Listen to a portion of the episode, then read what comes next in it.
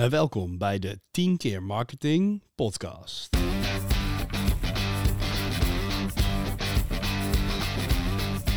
En welkom bij 10.agency. In de studio beschikken we elke week één vraag over marketing. Dat doen we met een expert van 10.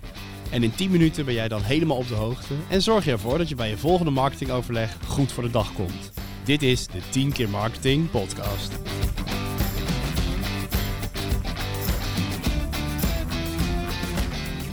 Mijn naam is Bob en vandaag is de vraag: hoe gaan mijn Google Ads hun geld waard worden? Ja, te gast om het hierover te hebben is uh, ja, de veelgevraagde gast, Rick de Jong. Rick, Google Ads mag wat kosten, maar hoe gaan ze uh, de kosten er ook uit terugverdienen? Vertel. Ja, er zit een soort stigma op. Hè? Dat het lijkt een soort van alsof je je creditcard langs Google gaat halen. Ja. En dat er vervolgens nooit meer wat op staat. Google, Ehm, Google smelt jouw creditcard en daarna komen ze weer bij je terug. Ja, nou ja, dat is wat veel mensen denken. En in veel gevallen klopt dat ook. Oké. Omdat heel veel mensen ergens mee gaan starten. uh, en Google het hele systeem zo heeft ingericht dat ze eigenlijk alles voor je leeg slurpen. En jij constant denkt, ik kan beter. Dan krijg je optimalisatietips. En dat is toch echt het verhogen van je budget.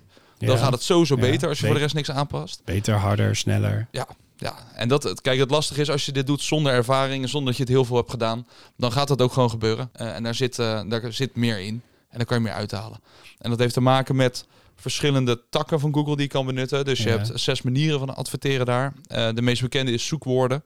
En dat betekent dat jij gewoon zorgt dat je op een bepaalde term uh, Nike schoenen kopen, eh, een nieuwe auto kopen, weet ik veel, wat bovenaan gevonden wordt met je website. Ja, Eh, en daar betaal je per klik. oké. Eh, hoe, hoe krijg je die, die centen per klik daaruit? Ja, en daar heb je dus eh, niet bijster veel invloed op. Dus dat heeft onder andere met advertentierelevantie te maken. Dus Ja. dat, hoe goed sluit jouw advertentie aan bij de behoeften van de klant.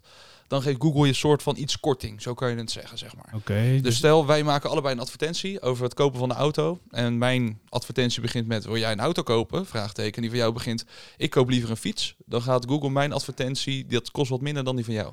Ja, ja, op zich, ik, ik snap hem. Vind ik ook best wel goed van ze. Ja, dat is eh, nou, goed van ze. Dat is gewoon hartstikke fijn. Ja, vooral, Ja. vooral voor die gebruiker. Zeker. Alleen jammer dat op deze zoekterm mijn klik nog steeds 6 euro kost. Ja, dat, ja, dat moet eh één op de zoveel eh, eh, mensen, mensen die klikken, moet dan gelijk een auto kopen. Ja, nou dat, en dat heeft ook weer te maken met concurrentie.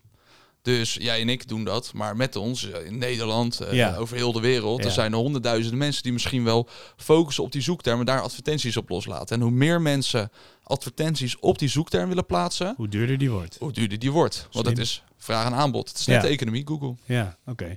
Ehm, maar goed, we, even terug naar die hoofdvraag. Hè. Hoe gaan jouw Google Ads dan hun geld waard worden? Ja. Want dit is, dit, dit is duur. Ja, het oogduur. Maar de vraag is, eh, als jij 6 euro betaalt je verkoopt een auto, Ja, als dat dat is, een auto van 25.000 euro is, nou dan mag je voor mij wel een paar keer klikken. ja, dat is een goede deal. Maar zo, zo zal niet elke deal er automatisch uitzien. Nee, niet iedere deal ziet er natuurlijk zo uit. Ehm, de truc is eigenlijk om constant te optimaliseren en testen te draaien in Google Ads. Ja. Dus je zegt gewoon, oké, we gaan twee weken aan de slag. We gaan, eh, nou ja, laat ik het even beeldend maken voor onszelf. We gaan een podcast verkopen. Ja. Dus wij willen ervoor gaan zorgen dat, meer, dat we meer aanvragen voor een podcast binnenkrijgen via Google. Nou, we gaan dat twee weken proberen. We reserveren Ja. 200 euro. Google geeft van tevoren, als je dat instelt, een indicatie hoeveel kliks je kan verwachten. Oké. En hoeveel moeten we eruit halen. Dus Ja. stel, een podcast kost bij ons, eh, even gek gezegd, eh, 100 euro. Mhm. En de kosten per klik zijn 5 euro. Dan ga je vervolgens uitrekenen hoeveel kliks je moet hebben en hoeveel daarvan een formulier in moet vullen en daadwerkelijk moet vallen. En zo Ja. ga je je ROAS, is dan eh, de moeilijke vakterm, uitrekenen. ROAS. Ja, return on ad spend. Nou, dus dan snap ik hem gelijk. Ja. En dan, eh, dan ga je kijken of het wat oplevert. En als dat wat oplevert, dan komt de truc, en dat is waar Google Ads echt geld op kan leveren, eh, is het opschalen daarvan. Juist. Dus je weet, als we er 100 euro in stoppen, krijgen we één aanvraag binnen. Dan halen we het eruit. dat halen we eruit. hey, dan verdienen we die podcast terug. Ja. Maar wat nou als we er 200 euro in stoppen? Dan krijgen we twee aanvragen. Juist. En dat, en, en dat opschalen, dat werkt wel echt. Ja, zeker. Dat hangt dus ook weer van het aantal eh, zoekopdrachten af. Kijk, stel er zijn per week vijf mensen die op eh, podcast maken zoeken. Ja. Dan wordt het niet heel relevant om je budget te verhogen. Want dan Nee. kan die je gewoon niet meer tonen. Dan sta je overal al. Dat doe je je vertoningspercentage. Dus er- is een, er is een plafond. Ja, er is een plafond. Want ik bedoel, als er vijf keer gekeken wordt, dan kan je er tien keer staan. Maar dat heeft geen zin, want er wordt maar vijf keer gekeken op die Ja, zoekterm. ja. En dan ben je een nodeloos geld aan het uitgeven. Wat jij begin zei, van het kan, het klinkt mooi, maar op een gegeven moment... Ja, je betaalt wel echt alleen ook dan op basis van vertoningen. Dus dan geeft hij gewoon de helft van je budget terug. Dan zegt hij, joh, je hebt er nu een tientje van gemaakt, maar je kan beter... Ja, goed, hij zegt, geeft dan, zegt dan eigenlijk... Ik heb nog wat extra zoektermen voor je. Ja, misschien Die wil je die ook kopen. Echt nog wel interessant zijn om aan bij te voegen. Want dan kunnen die vertoningen omhoog. Ja, Ga je ja, klikken ja, ja. omhoog en dan gaan de inkomsten van Google weer omhoog. Oké. Ja. Eigenlijk moet je in een soort, soort eh, loophole zien te komen, want Google wil, wil ook geld verdienen, maar je wil dat zelf ook. En dat kan, dat kan ermee. Hè. Dat ik kan. bedoel, dat werkt gewoon. We hebben zelf een hoop cases waarin je gewoon ziet dat je eh, uiteindelijk op kan gaan hogen en die multiplier in kan zetten. Ja. En dat is hartstikke fijn. Maar uiteindelijk is de truc hiermee, dus om je geld niet door het putje te spoelen, is gewoon eh, tijd, liefde en aandacht. Je hebt hier heel veel insights die je uit Google Ads kan halen. En als speel je Kiet, dan nog kan het heel relevant zijn. Want dat kan weer meewerken in je SEO en in de zoektermen Ja, die je gebruikt ja, in je salesgesprekken en andere zaken. Dus het is echt een breed scala. Maar het is echt niet dat je denkt, oké, ik heb eh 1000 euro te besteden vandaag. Ik ga het aanzetten en ik kijk er niet meer naar. eh, kijk naar, terug naar mijn 1000 euro. Dan is je 1000 euro weg. Dat heeft geen zin. Ja, zo je 1000 euro moet je eerst een heel klein deel eh, flink mee gaan testen. Allerlei verschillende manieren, verschillende zoektermen. Ja. Eh, op basis daarvan eh, site aanpassen, eh, de, eh, de zo- zoekterm aanpassen. zoektermen aanpassen, je advertentie aanpassen. Dus dan Ja, heb je je zoektermen die erin zet en die test die ook. Dus je kan in principe maar drie koppen vertonen. Ja. Dus dat is auto kopen, Mazda, Skoda, Seat. En dan zet je nog erachter in Rotterdam. Niemand koopt meer Skoda's, toch? Weet ik niet. Oké, Nee, Nee, ik had ook goed. Ferrari kunnen zeggen, maar dan had 6 euro heel weinig geweest voor die zoekterm. lastig. Ja, dat klopt Oké. het verhaal niet meer. Drie koppen. Je hebt drie koppen, die worden vertoond, maar je vult er 14 in. Ja, En het algoritme van Google gaat vervolgens testen wat voor jou de beste combinatie is. Juist. Om je zoveel mogelijk kliks voor je budget te geven. Mhm. Nou ja, goed. Dus op een gegeven moment hè, ben je daar een beetje in uitgeoptimaliseerd. Dan heb je eh, die kosten per klik zo laag mogelijk, want je advertentie is zo relevant mogelijk. Daar Juist. kijk je iedere dag naar, je kijkt hoe het beter kan. Maar ja, dan moet die landingspagina nog renderen, want 100 kliks en nul aanvragen. Ja.